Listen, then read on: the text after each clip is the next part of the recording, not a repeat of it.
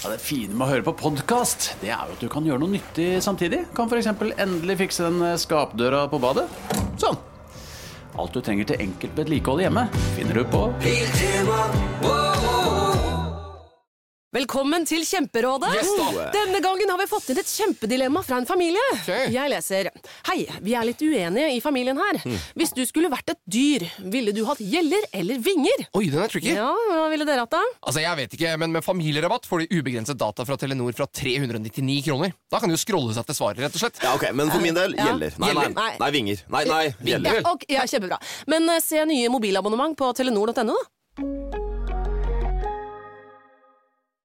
I denne ukas episode av Fredrik Gressvik uredigert snakker jeg med USA-ekspert Are Togvold Flaten om at også Donald Trump virker mentalt svekket. Det er jo flere eksempler på det nylig også, der han surrer. Eh, snakker om Obama i stedet for Biden, f.eks.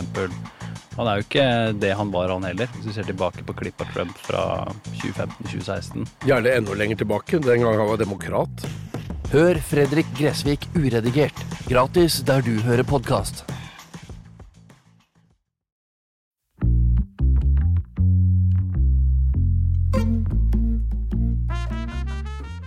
I mai 2008 blir tre unge norske kvinner pågrepet på flyplassen Cochabamba i Bolivia. Boliviansk politi hevdet at de hadde funnet over 22 kilo kokain i koffertene til de tre kvinnene. Ifølge norsk politi var de tre kvinnene blitt rekruttert av et omfattende internasjonalt narkotikanettverk. Politiet mener at nettverket har betalt luksuriøse ferier for jentene i bytte mot at de skulle ta med seg noe hjem i bagasjen. En av disse kvinnene er Stina Brendemo Hagen. Da hun ble pågrepet i Bolivia i 2008, var hun 17 år gammel. Hun ble dømt til 13 år i fengsel. Dette er Stinas egen historie, om hennes liv i kvinnefengselet i Bolivia, om hvordan hun ved hjelp av en hemmelig gruppering flyktet hjem til Norge med en nyfødt baby i armene. Dette er Flukten fra Bolivia, del to.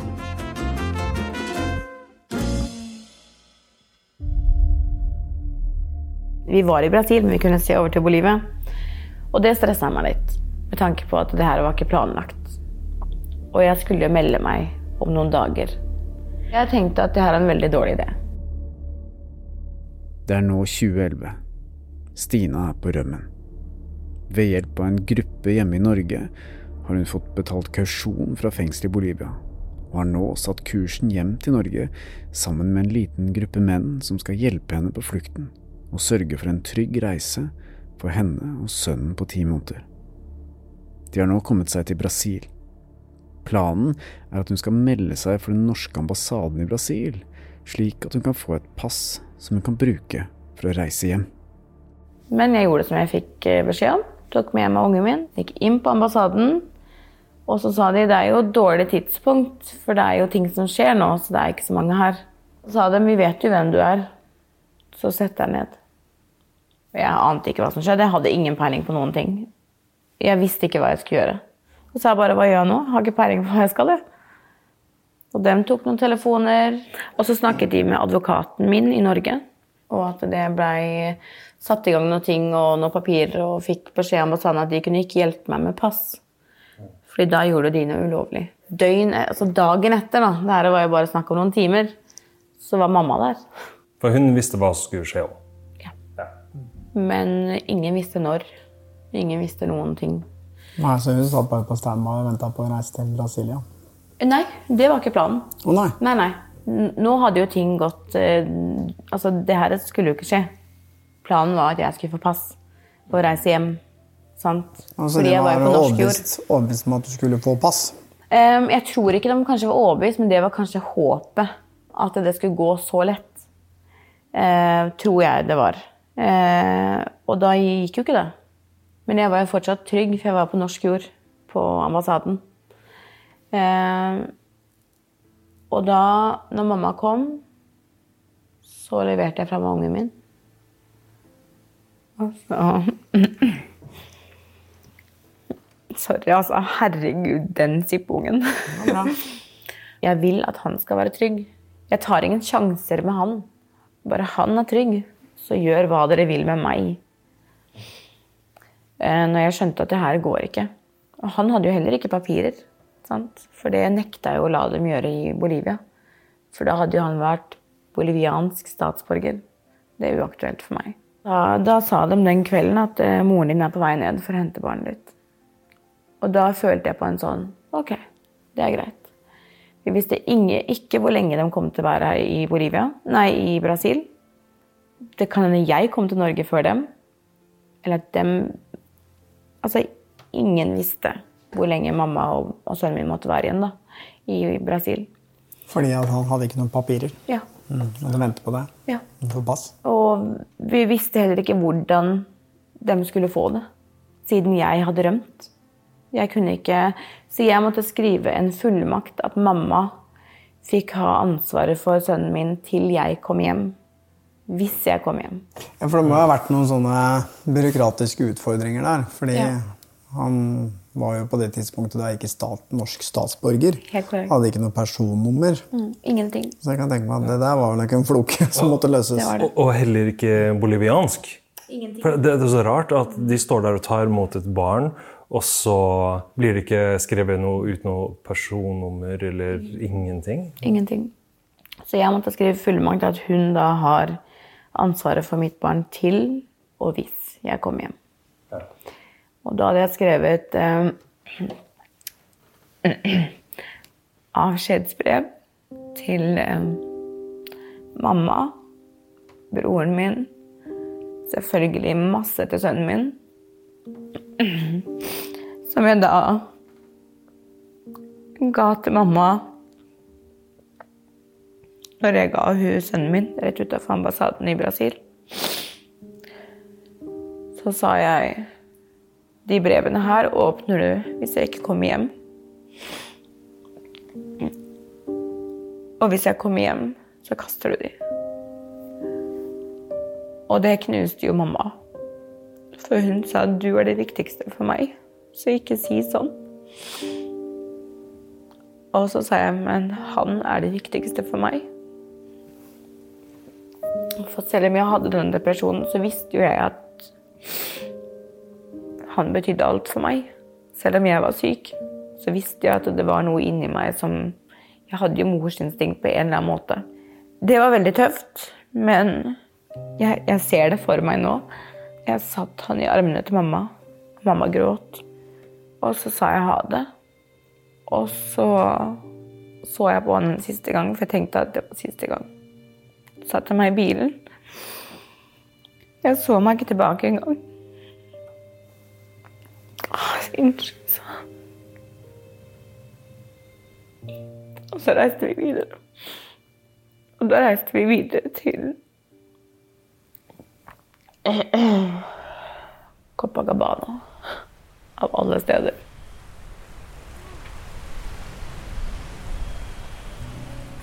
Copacabana er kanskje den mest berømte bydelen i Rio de Janeiro, og er verdensberømt for sin fire kilometer lange sandstrand. Millioner av turister besøker Copacabana hvert år. Hvorfor dro dere akkurat dit? Jeg vet ikke. Har ingen peiling. Hide in plain sight Uh... Det var jo en eller annen stor fotballkamp da, tror jeg. Ja. Eller var det karneval? Det var et eller annet som var da. Så det var Jeg tror det var det at det var ekstremt masse folk der. Og turister, og det var jo smekkfullt overalt. På hvilken tid av året var dette? Juli, august, september, oktober. Hvor mange dager hadde du vært på flukt da du ankom eh, Rio? En og en halv uke, kanskje. Ja. Eh, For vi var innom et sted eh, og var der et par dager. Og der holdt det på å klikke for meg. For der var det speil i gulvet, på vegger, på tak. Altså, det var speil overalt. Så jeg endte med å skru av lyset og sitte i mørket. Jeg så meg selv overalt. Eh, og det var veldig ubehagelig. Eh, og da kom jo han inn til meg på rommet mitt noen ganger og fortalte om oppdateringer på sønnen min og mamma. da. For de hadde reist tilbake til Norge? Nei, de var fortsatt i Brasil. Ja, for hvordan skulle hun få han med seg noe De sted? visste ikke. Nei, Visste ikke ikke? Ja. Altså, de, ambassadene visste ikke. De hadde ingen peiling på hvordan de skulle løse det. Nei. Så han sa eh, vi vet ikke om du kommer hjem først. Vi vet ikke om vi kommer hjem først. Vi vet ikke om de kommer hjem i det hele tatt. Eh, vi vet ingenting av hva som skjer. Og det, det var like frustrerende for moren min, tror jeg. Hun var jo beintøff, sto i det helt alene. Hun kan ikke, spr altså, ikke språk, ingenting. Men ambassaden tok veldig godt vare på henne. Og det endte jo med at eh, Jeg vet ikke hvor lang tid det tok, for det husker jeg ikke. Men så kom han inn på rommet mitt og sa han, jeg har én god nyhet og én dårlig nyhet. Hva vil du ha først? Så jeg bare kjør på med det du vil. Den gode nyheten er at uh, moren din og sønnen din er på vei hjem. Og kommer seg hjem trygt. Den dårlige er at vi rakk det ikke før dem. Da tenkte jeg ok, da er jeg safe. Da, vi kan gjøre hva som helst. For det, dette var jo målet ditt, å få din sønn i sikkerhet. Og så hadde du nedprioritert det selv. Ja. Mm. Og da tenkte jeg mer på hva som helst. Så da hadde sønnen din fått pass? Ja. Det ble funnet en løsning for å gi Stinas sønn et pass, slik at han kunne reise til Norge som norsk statsborger. Detaljene rundt dette er ikke helt klare, men den lille gutten på ti måneder er nå på vei til Norge sammen med sin mormor. Men for Stina er flukten langt fra over. Og så er vi i Copacabana. Ja. Hvor, mm, hva gjorde, gjorde dere der, da? Da var vi bare i forskjellige leiligheter. Rett og slett. Det gikk fra hotell til leiligheter. Og jeg var alene hele dagen. Ok, Så du ble bare flytta rundt fra sted til sted og Ja. satt aleine inne? Inne. Men han som hjalp deg, og som du hadde reist sammen med hele veien, Ja. han var i samme by? Og... Ja, vi var i samme hus, altså i samme leilighet, på to forskjellige rom. Eh, men han var der veldig sjeldent. Han var veldig mye ute. Mm. Så jeg var jo alene hele tiden. Kunne ikke se ut av vinduer.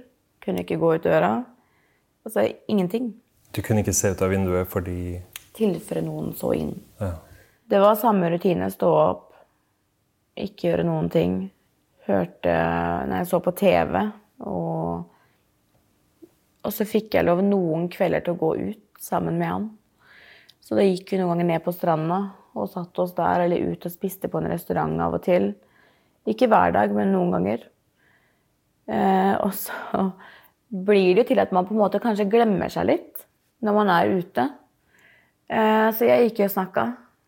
Og så sa jeg til han når vi var ute og snakka en kveld, så sa jeg Tenk at vi går her. Ingen vet hva vi gjør. Og så kommer det en gående forbi, så sier han Er det nordmenn? Og da hadde bildet av meg med svart hår kommet ut i media. At jeg var på rømmen med svart hår. For det ble tatt bilder av meg i Brasilia av en fotograf for det her magasinet jeg var, var på. Og jeg frøys helt. Jeg ble helt stiv. Jeg klarte ikke å svare. Men han tok over samtalen. Så ba, ja, nordmenn. Og så gikk de videre. Og da sa han det er første gang du frøys. Det er første gang du ikke klarte å si noe. Eh, og så sa han at eh, jeg er veldig overraska over at ikke du har fått en knekk før nå. At du har klart å holde deg så kald og rolig hele veien. Men da kjente jeg pulsen. Helt siden Stina først ble pågrepet i Bolivia, ble saken hyppig dekket av norske medier. Og det var magasinet Alfa som fikk den tetteste tilgangen til Stina mens hun satt inne. De var til stede da sønnen hennes ble født. De betalte for en norsk jordmor, og var også de som betalte for kausjonen hennes, som skulle gi henne mulighet til å flykte. Men det var et annet norsk magasin som nå hadde trykket bilder av Stina under flukten fra Bolivia. Eh, så da Da begynte jeg å gå med briller da etter det. Men jeg var jo bare ute på kveldene, så det var så vidt jeg vet, så var det ingen som kjente meg igjen. Og da, når vi møtte han nordmannen, så var vi rett utenfor leiligheten vår. Så vi gikk jo en omvei da, for å forsikre oss om at det ikke var noen der. Men hvor lenge var dere i, i Rio de Janeiro? da? Tre og en halv måned. Og du ble flytta rundt hvor mange ganger da? Seks forskjellige steder, tror jeg. Seks forskjellige leiligheter, da. Tror jeg det var. Han merka jo på meg at jeg begynte å bli med Jeg mista mer og mer motet. Men fikk du liksom ikke noe vite hva planen deres var, hva de jobba for? Fikk du ikke noe informasjon i det hele tatt? Ingenting. Og jeg begynte å bli ganske syk også. Jeg fikk um, noen blødninger som jeg ikke klarte å stoppe. Eh, Så det endte med at de var nødt til å sende en lege ned fra Norge. Men det gikk bra, alt det der. Eh, Men jeg begynte å kjenne at nå er jeg mer og mer lei. Jeg hadde mindre og mindre lyst til å fortsette. Og det merka han òg, for jeg begynte å snakke mindre. Jeg begynte å vise kanskje litt Ikke sur, det er ikke det jeg mener, men jeg ble sånn veldig Alt var Jeg hadde ikke noe å være her for lenger, så alt ble bare trist og leit. Likegyldig. Veldig likegyldig. Og da kom han inn på rommet mitt en dag, eller en kveld. Og da var jeg langt nede. Eh, og så sa han 'Har du pakka ennå?' Og så sier jeg 'Nei, skal vi flytte igjen?' Det har ikke jeg fått det med meg. Og så sier han eh, 'Nei, du må pakke nå'. Og så slang han hårfarge på senga mi, for jeg hadde jo ettervekst. Og så må du farge håret. Så jeg bare OK, det er greit, jeg skal gjøre det. Men hvor skal vi flytte? Så sier han nei, du skal hjem i morgen. Jeg bare hæ? Og så sier jeg men hva skjer nå? Han bare nei, vi drar på flyplassen i morgen tidlig. Så jeg pakka. Jeg hadde med meg én T-skjorte, én bukse og dagbøker i sekken. Ingenting mer. Farga håret og gikk rett i bakken. Besvimte av. Eh, ikke fordi jeg var redd, eller noen ting, det var bare et eller annet som skjedde. Det var kanskje for mye informasjon, for jeg vet ikke, for mye på en gang. Eh, og følte meg kjempedårlig. Og han kom inn, og jeg gråt faktisk fordi jeg skulle bort fra han. Og han fikk tårer i øyet òg.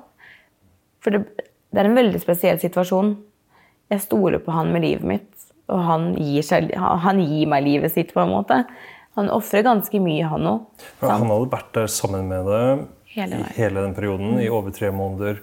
Og lenge før jeg kom ut. Ja. Lenge før jeg kom ut for å planlegge. Hadde ikke han noen familie han skulle være hjem til? Det vil jeg helst ikke si noen ting om, hvis det er ok. Men han var sammen med deg i mange måneder. Ja. Men, men ok, uh, men du hadde jo ikke noe pass. Nei. Hvordan i all verden skulle du komme deg på et fly da? Ja.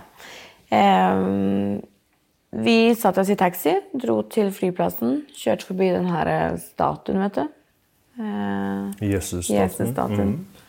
Som også er i Bolivia, faktisk. Uh, kjørte forbi den, kom inn på flyplassen. Jeg hadde ikke pass. Jeg visste ikke hvem jeg skulle være. Ingenting. Og så mm, kommer det en nordmann ut fra flyet, eller flyplassen, og møter oss. Som da hadde med passet jeg skulle ha. Okay. Eh, og han var også lege. Men jeg sa det går fint, det trenger ikke å sjekkes. Det går bra. Men hva slags pass var dette? da? Var det en annen persons pass? da? Ja, jeg vil ikke like det i det hele tatt. Fins ikke like. Den har vi vært med på før. Det fins ikke like. Og sa, han sa nå må du Så sa jeg kan jeg se på passet? Så sier han nei, du vent litt.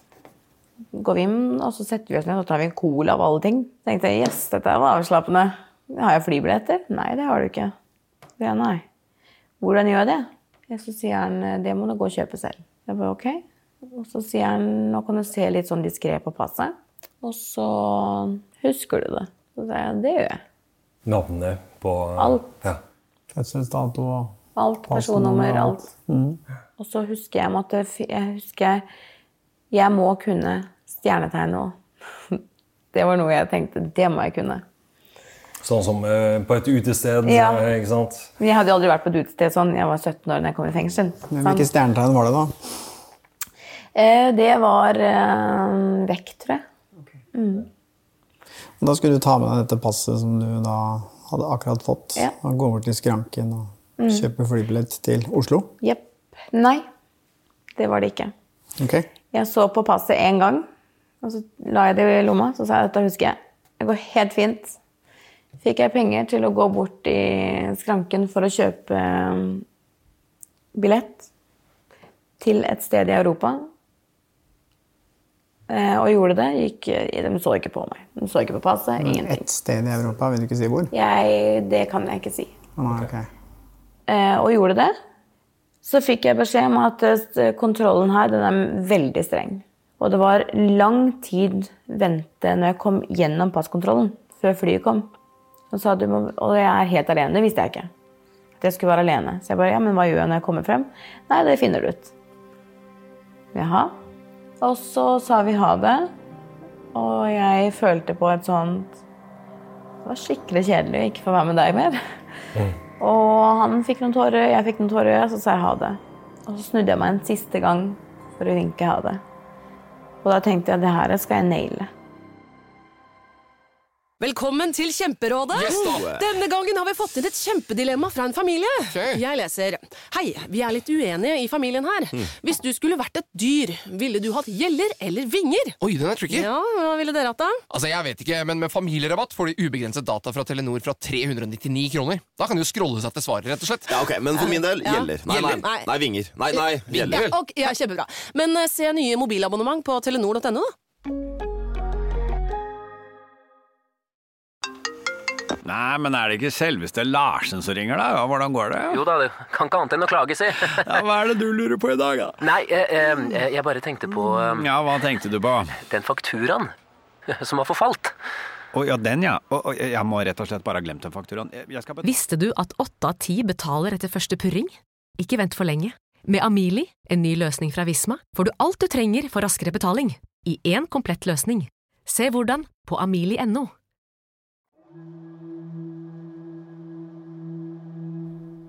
Stina er på flukt fra Bolivia. Ved hjelp av en norsk gruppering har hun kommet seg til Brasil.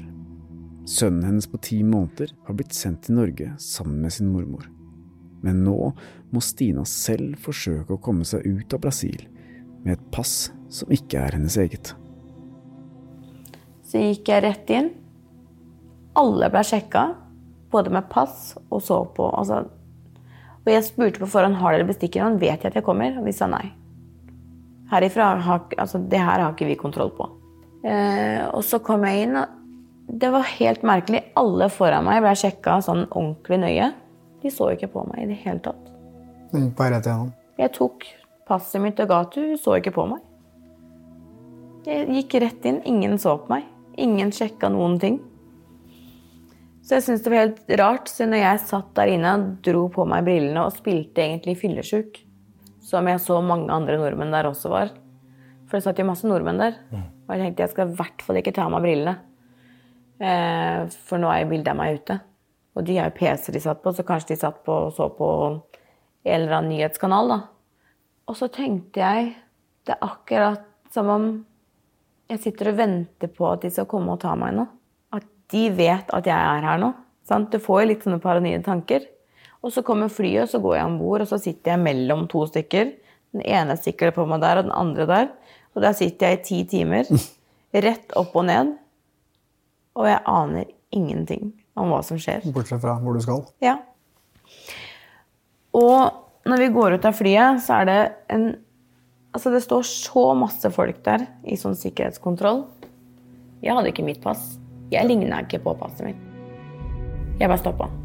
Du ble stoppa. De kjøpte ikke det passet der. De tok passet mitt, la det i lomma si. Eller med, jeg kom ut av flyet, så sto de i den der gaten vet du, når man kommer ut. I den tunnelen. Tok de passet mitt og flybilletten min og la det i lomma. Men ble du fiska ut i Ja. mengden? Ja, jeg og en Ja. til. Før du kom til passkontrollen, Ja, ja, ja. På vei ut av flyet. så ble du liksom bare trukket til side og tok passet, så de visste. Ja, de sa ingenting til meg. Jeg sa bare 'hva er det som skjer?' Jeg var, jeg var helt rolig. Og, jeg, og han andre han var fra Paraguay, så han snakka spansk. Jeg lata som jeg ikke kunne spansk. Så de stilte jo han spørsmål på flytende spansk, for de snakka også spansk. Det var ikke i et spansktalende land, men de snakka flytende spansk med han, så jeg fikk jo med meg hva de skulle spørre om, så jeg rakk å lage en historie. Ja, Hva var det de spurte om? De spurte hvor han hadde vært, hva han hadde gjort, og de lukter narkotika i, i kofferten hans med narkohunder. Og det samme gjorde de min. Ja. Ok, så dette var narkokontroll, det her. Ja, også fordi vi var, hadde en litt sånn mystisk bakgrunn. Hvorfor har du vært i Brasil? Og du har ingenting med deg tilbake, reagerte de på med bagen min. At eh, du har jo ikke noe med det er litt interessant at du sier det, for jeg har vært noen ganger i Peru. Mm. Og når du da flyr til liksom Amsterdam da, fra Lima, så har det vært veldig sånn nøye kontroller og mye mer enn vanligvis når jeg har kommet til Schengen. da. Og det tok ikke kort tid. Og jeg tenkte det står jo en på utsiden her og venter på meg. Nå har jeg brukt timer her. Han vet ikke hvor jeg er. Eller jeg visste ikke om det var han engang. Den personen. Men hvorfor brukte de så lang tid på å sjekke de Jeg tingene? aner ikke, og jeg vet fortsatt ikke. Det gikk rundt hele flyplassen, og jeg følte meg jo dum. For jeg følte meg jo kriminell når jeg ble tatt til siden på den måten. Og alle kunne se det. Det var jo åpent, så alle kunne se. Og jeg spurte, stilte spørsmål. Må jeg ringe noen? Hva er det som skjer? Eh, og jeg hadde jo ikke telefon, jeg hadde ikke penger, jeg hadde ingenting. Men jeg fikk den ene, jeg fikk en bonus, da, at jeg hørte hva de stilte han først, så jeg rakk å lage meg en historie til de spurte meg. Og da kom spørsmål. De strippa meg. Så på, de så på hver eneste lille søm i sekken min. Og alt sammen. Sjekka alt. Sjekka oppi meg. Sjekka altså overalt. Eh, ikke røntgen, men de sjekka alt sånn hvor det kunne sjekkes. Og jeg tok tisseprøve. Og så stilte de masse spørsmål. Hva gjør du her? Hvorfor har du vært i Brasil så lenge? Så sa jeg jeg møtte en på Norway Cup som jeg møtte. Skulle egentlig bare møte i en uke i, eh, i Brasil. Så han holdt meg igjen mot min vilje. Jeg har klart å rømme. Jeg hadde akkurat penger til å kjøpe meg en eh, flybillett hit. For jeg er jo ikke herifra engang. Jeg er jo fra Norge. Men jeg hadde bare penger til å kjøpe meg hit. Så jeg fikk låne en telefon på eh, flyplassen i Brasil for å ringe en kamerat som skal møte meg her og ta meg hjem. For jeg har ikke, jeg har ikke mobil engang. Dere kan sjekke. Jeg har ingenting. Så så de på meg, så de på passet. Så de på meg igjen, og så så de på passet. Og så sto hun liksom litt i skjegget og så på meg. Og så tok de en sånn test i urinen min. Og hun dama ble sur fordi at den var negativ. Så hun slang den i veggen med urinen og alt sammen. Så det, det var, hun var Hva kjempesint. slags land er dette her? Nå begynner jeg å bli litt nysgjerrig. altså. Ja. Ja, men det er jo tollerinstinktet, da. Ja. Når de liksom har sett seg ut en som de syns De er mistenkelig. hadde og noe. Ikke sant? Og så hadde du ikke det, selvfølgelig. Nei. Så fikk de meg til å signere et papir. Så sa de 'nå kan du gå'. Og tenkte jeg mm, sikkert. Dere skal se hvem jeg møter, og så skal dere ta oss. Mm. Det var det jeg tenkte. Og jeg sa er, det, er det sant, kan jeg gå? De bare ja. Vi fant ingenting, vi. Så jeg var ok, men han gutten var jo fortsatt der. Eh, kanskje de trodde at vi var sammen. Jeg vet ikke. Så gikk jeg, og jeg sto der. Ingenting var åpent der. Og når jeg, jeg gikk jo ut av terminalen Og da slapp du noen passkontroll, da? Ja. Ok. Jeg gikk ut av terminalen, og bare den kulda slo meg i ansiktet. Den hadde jeg ikke kjent mange år. Så gikk jeg inn igjen. Jeg visste ikke hvem jeg skulle møte. Jeg visste ikke hvor jeg skulle stå. Jeg gikk rundt, og da begynte jeg å tenke Jeg var borte for lenge. Han har dratt. Eller hun eller han har dratt. Og da begynte jeg å leite etter folk for å låne en telefon for å ringe hjem til mamma. Men hvordan føltes det å være i Europa? Jeg tenkte ikke så mye over det, annet enn at eh, hvordan skal jeg komme meg hjem nå? Ok. Så du følte ikke en lettelse? Nei, over det? ingenting. Nei. Og jeg tenkte nei, veit du hva, nå må jeg stoppe. Så jeg gikk og satt meg. Han sa han kommer, tenkte jeg. De, de som skal finne meg, de finner meg. Satte jeg meg ned, og jeg satt der, og klokka gikk. Altså, det gikk timer. Og så kommer det en gående med sekk på ryggen. Det er sikkert noen som hadde kommet inn etter av et fly. For da satt du bare på en benk på utsida av flyplassen? eller? Ja. Så kom det en bortover til meg. Jeg hadde aldri sett han før. Han så ut som alle andre. Så kom han bort, så var det et lite norsk flagg på sekken hans. På glidelåsen. Det eneste han sier, er 'Er du klar for å dra hjem?' Så reiste jeg meg opp, så gikk vi rett ut i en taxi. Vi veksla ikke et ord.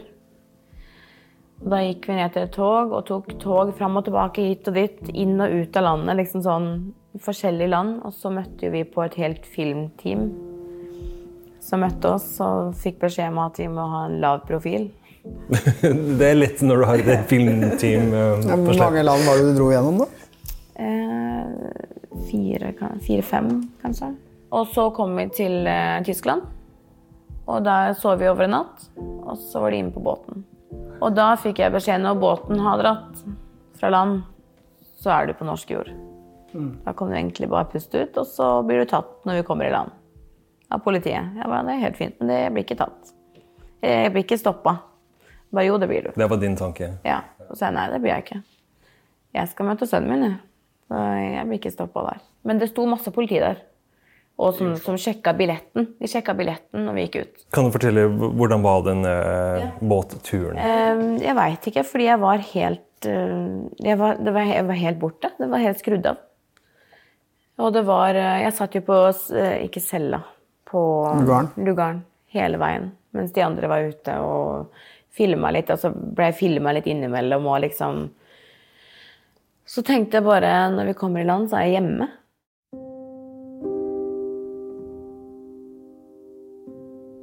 Det er nå oktober 2011. Det har gått tre måneder siden Stina startet sin flukt fra fengselet i Bolivia. Og jeg håpa på Jeg venta fortsatt på den her følelsen. Den derre wow! Den har ikke kommet ennå. Etter så mange år. Jeg venter fortsatt på den. Eh, Den kommer i Den har aldri kommet. Så jeg på en måte følte at eh, jeg hadde ikke noen følelser ennå. Jeg var fortsatt Men det var nok depresjonen min. At jeg var likegyldig til alt. Var liksom Ja ja, da var jeg hjemme, da. Det er i hvert fall jeg døde ikke nå heller, på en måte. Det var mye av tanken, da. Men samtidig som det var sånn, jeg er hjemme, det var, jeg klarte ikke, klarte ikke å forstå det. Det var for mye å ta inn. Så når vi da kom ut av båten, og jeg dro på meg brilla og spilte som alle andre som vi hørte som er på båten, at de er fyllesyke eller fulle når de går av. Så jeg dro på meg brilla, busta til håret litt, og gikk ut av båten. Og så sa han jeg var med da, han sa når du kommer ut her nå, så blir du stoppa. Så du får ikke billetten, for der står navnet til den personen du har brukt passet til. Så han la de i lomma si. Så sa jeg nei, jeg trenger billetten, for de sjekker den. Det er muligheter for meg å komme til sønnen min. For jeg skulle jo melde meg med en gang jeg kom hjem. Men jeg ville møte han først. Så jeg nappa ut den fra sekken hans, og han sa du er gæren. Og jeg gikk, gikk rett igjennom. Så hviska jeg til han er jeg forbi nå. Han bare ja, du kan bare løpe.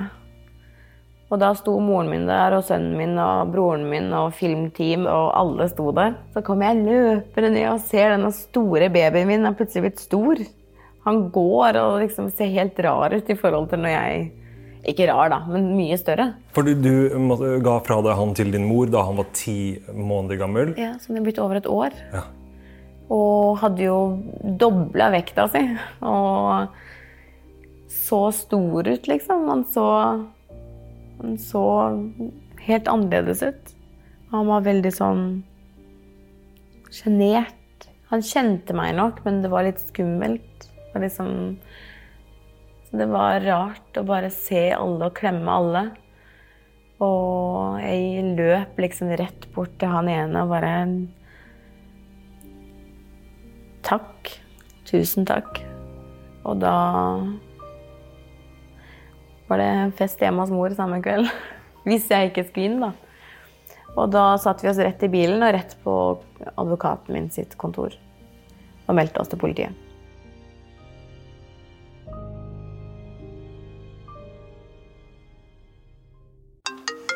Nei, men er det ikke selveste Larsen som ringer, da? Ja, Hvordan går det? Jo da, det kan ikke annet enn å klage, si.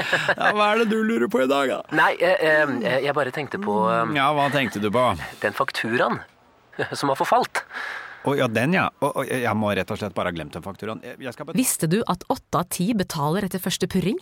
Ikke vent for lenge. Med Amili, en ny løsning fra Visma, får du alt du trenger for raskere betaling. I én komplett løsning. Se hvordan på amili.no. Oktober 2011 kom Stina omsider trygt hjem til Norge etter tre måneder på flukt fra Bolivia.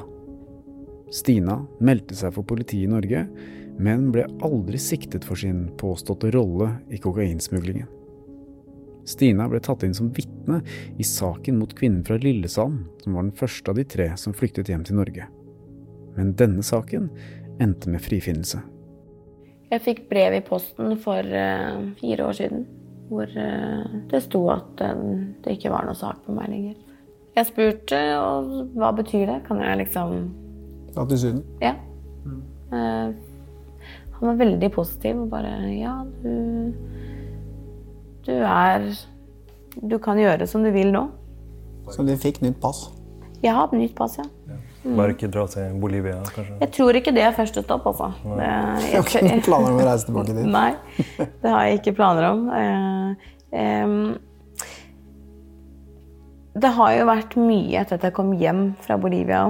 Kampen min begynte hjemme. Så det har vært tider hvor jeg har tenkt jeg vil tilbake til Bolivia. Ok. Helt sykt. Tilbake til cella di Ja. i fengselet? Mm. Ja, fordi at du var jo 17 år, og så kommer du tilbake til Norge. Da er du 21. Mm. Med et barn. Eh, Ikke fullført skolen din. eh, Altså, du står vel egentlig litt på bar bakke da? eller Du gjorde det, da? Med et barn i tillegg. Mhm. Hvor jeg, jeg hadde ikke lært meg å være voksen. på en måte. Jeg ble voksen da jeg var 17. På en, ikke på en riktig voksen måte, men jeg lærte meg rettssystemet. Tja, rettssystemet, det bolivianske rettssystemet, Bolivian. som ikke er helt Det er ikke noe- Cash kontant. kontant, alt er cash kontant. Det er Mhm. ingenting altså Det kan ikke sammenlignes med no, noen ting i Norge. Du lærte hvordan det ikke bør fungere. Ja. Jeg har sett det på nært hold. Eh, sett hva personer kan gjøre med deg som du trodde du kunne stole på. Og det her å tro at man kan stole på folk, og virkelig, virkelig se at de kan ødelegge livet ditt uten å blunke. Og se, se liksom så mye fælt som man har sett og hørt. Og sitter og har en samtale med en person som nettopp har drept hele familien sin. Det er ikke normalt å oppleve det som 17-åring. At alle du sitter med rundt deg, har gjort noe ekstremt noe. Så man sitter jo egentlig og tenker er jeg neste? Er jeg neste som skal dø? Men hva var det med å komme tilbake til Norge som gjorde at det, det der var det du ønska tilbake til? Det har vært mye som har skjedd. Det tok lang tid før jeg ble normal igjen. Det er ikke før for litt siden, bare, på en måte. Jeg gikk fra Bolivia og var veldig skada når jeg kom hjem. Noe jeg kanskje trodde at jeg klarte å fikse selv. Noe som man absolutt Jeg burde fått hjelp kasta etter meg. Jeg burde fått tilbud om trenger du noen å snakke med. Syns jeg i hvert fall at jeg burde. Og fått tilbudet om få bearbeida kanskje depresjonen min. Eller de suicidale tankene mine. Eh, som gjorde at jeg gikk inn i et veldig skadelig forhold. Som fortsatte da å være Det var et eh, voldelig forhold. Eh, og kom meg ut av det. Inn i et nytt giftig forhold. Så det fortsatte. Og i de årene så fant jeg nesten trygghet i cella mi igjen i Bolivia. Så ofte så bare tenkte jeg jeg vil tilbake til Bolivia, for der var jeg trygg. Der trengte jeg ikke forholde meg til de følelsene som jeg sitter med nå. Det var ikke så, sånne følelser der. Det var bare den her jeg er stengt borte. Jeg, jeg er ikke her lenger, jeg bare sitter her. Mens nå måtte jeg forholde meg til alle de her voksenfølelsene, alle de her følelsene av svik og alt det her mediekjøret som var også. Så det var mye å forholde seg til. Så jeg ble vel ikke egentlig meg på en sunn måte før jeg møtte han jeg er gift med nå. For da klarte jeg å innse Jeg begynte hos en psykolog, en psykiater, som eh, jeg fortsatt går hos. Som fikk meg til å ta et valg hvor du beholder meg som psykolog eller forholdet ditt. Du velger. Da valgte jeg psykologen min og ble sammen med mannen min. Så da begynte jeg å innse at eh, jeg kanskje kan bety mer da, enn bare den her Jeg vet ikke, jeg kan ikke forklare det. Hvordan er livet ditt nå? Det er bra. Mm. Dessverre fått eh, mye dritt i ettertid, som de tror kanskje kan komme av Bolivia òg. Eh, operert magen 15 ganger eh, etter Bolivia. Eh, av mm, kanskje skader som har kommet fra jeg var veldig syk i Bolivia. Ganske mye helseplager som jeg ikke ba om. Men utenom det så er livet greit. Og jeg har jo fått eh, Jeg har posttraumatisk stress. Som Det går veldig fint nå, men det har vært perioder hvor det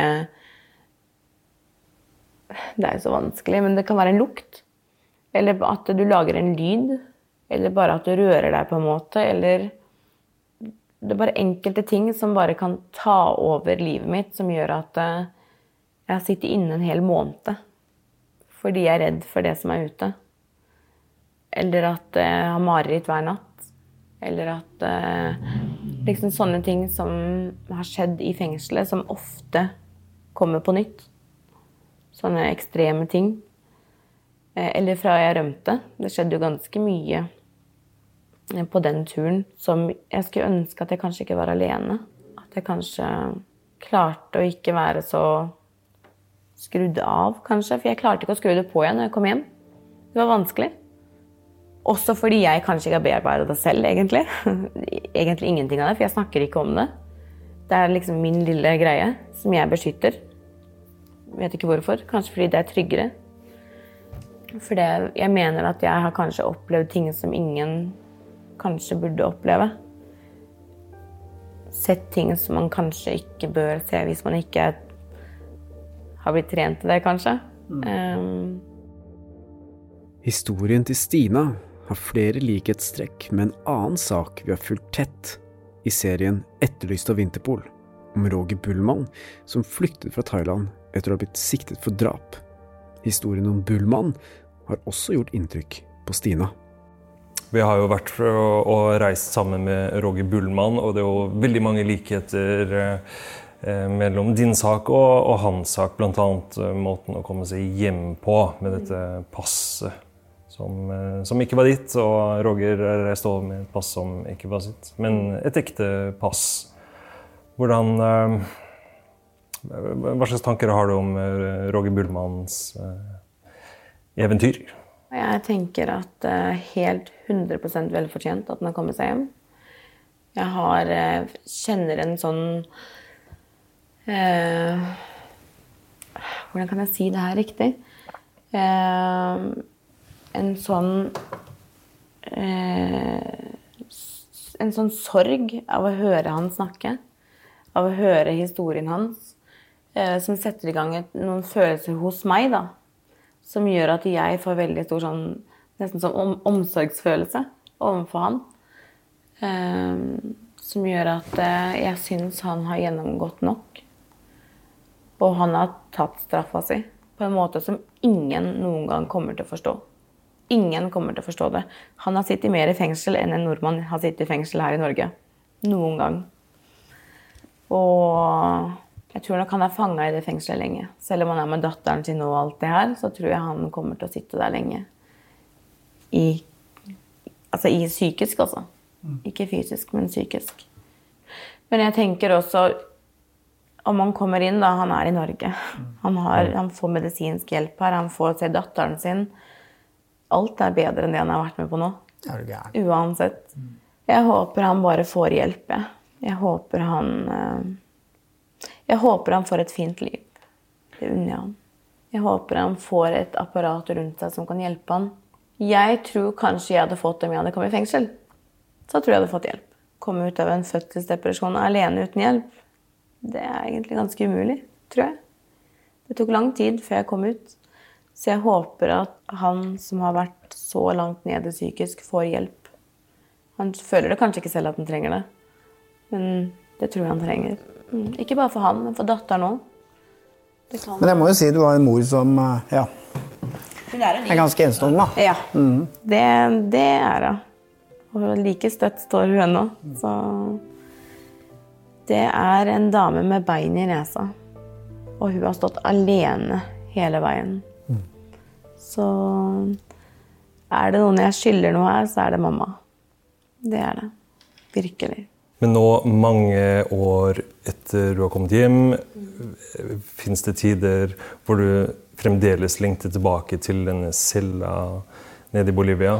Det kan komme i stressa perioder, eller hvis jeg mister noen og det skjer masse. Så du vet, livet går opp og ned uansett. Eh, men ofte så får jeg alt på en gang. Eh, og da kan jeg føle på den her eh, følelsen at det, hva, Jeg er født under en svart stjerne. Hva er det som skjer? Hvorfor må jeg, må jeg igjennom alt? Og så blir det den herre Jeg kaller det bare Bolivia-følelsen. Og det har jeg funnet ut at det er bare angst. Og det tror jeg er det som får meg til å føle på det her at Bolivia var trygt. Det er det jeg kaller Bolivia-følelsen. Men det er panikkangst. Og det har ikke jeg visst før for litt grann siden. Jeg trodde ikke jeg hadde det. Men det har jeg jo til de grader. Men det har du lært å leve med. Ja. Mm, Det som skjer, er at ingen ser det. For jeg blir helt rolig. Og Det tror jeg er, fra, er en skade som har skjedd, eh, rett og slett. Ingen ser det. Eh, og det har blitt til at jeg holder veldig mye for meg selv. Så ingen, kan, ingen vet hvis jeg er nedfor. Ingen vet hvis jeg sliter med noe, for jeg har blitt vant til å holde det for meg selv. Og det tror, eller sier psykologen min at er nok en skade fra Bolivia. Fordi jeg turte ikke å dele noe der. Fordi plutselig Det var jo gale mennesker jeg var der med. Så det er nok noe som har kanskje forma meg, da. Jeg var jo et barn, så jeg ble forma der. På en måte. Jeg kan ikke helt forklare det. Det er liksom livet før Bolivia, og så er det Bolivia. Og nå. Tre deler. Og de to er borte. Ikke borte, de er der, men det føles ikke ut som meg. Men at følelsene tar jeg og føler på hver dag. Veldig rart. Så det, det kan være tøft. Med meg selv. For da sliter jeg med meg selv, men ingen merker det. Og det er tøft. For jeg skulle ønske jeg klarte å synge ut, si det. Bare Og det at liksom folk vet om alt, da, Bolivia, dømmer deg før de kjenner deg, og liksom sånn Så føler man seg litt som en sånn At du har feila i livet, da. At du blir liksom dømt. Ja, jeg bor her, jeg har barn, jeg har mann. Men folk ser på meg kanskje som en litt sånn taper. Kanskje uansett. Det er kanskje det jeg føler noen, ganger, da. Jeg er veldig redd for hva folk tenker når de møter meg. Veldig sånn Fått litt sosial angst og liksom litt sånn Likte korona veldig godt. Ja, Slapp å møte Ja. så mange folk. Og det er jo ikke en bra greie, da. Det er det jo absolutt ikke. Så det Nei da. Så det har gått bra, og det skal gå bra. Og jeg har planer for hva jeg vil, eh, og på en måte et mål om hva jeg skal. Istedenfor å grave seg ned i det som har vært, så kan jeg bruke det. Og kanskje Jeg har så lyst til å hjelpe. Jeg har så lyst til å gjøre noe. Og det føler at det er noe innenfor der, men kanskje folk som har sittet i fengsel, eller som kanskje sliter. Jeg, har, vil si at jeg har vært gjennom ganske mange stadier i livet. Jeg har vært gjennom å være barn i fengsel, jeg har vært i fengsel, jeg har vært gjennom rettssaker, jeg har fått barn, jeg har hatt fødselsdepresjon, jeg har mista barn. Jeg har eh, vært i voldelige forhold, og jeg står fortsatt på beina. Og jeg tenker jeg må bruke det. Og det får litt sånn blod på tann liksom det her med Roger, for jeg har hatt så sjukt lyst til å hjelpe han. Og jeg tenker at det, kanskje det er et riktig spor for meg. Jeg vet ikke, jeg har ikke funnet ut helt hvilken vei det er, men det er noe innenfor det. For jeg bryr meg oppriktig om mennesker. I vanskelige situasjoner. Håpløse situasjoner. Jeg tror ikke du blir arbeidsledig.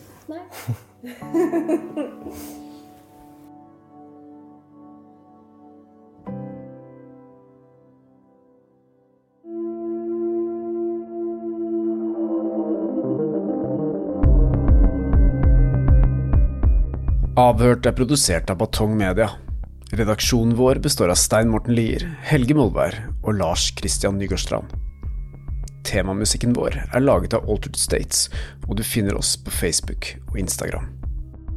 Vil du høre eksklusive episoder av Avhørt, gå inn på podmy.no, eller last ned Podmy-appen.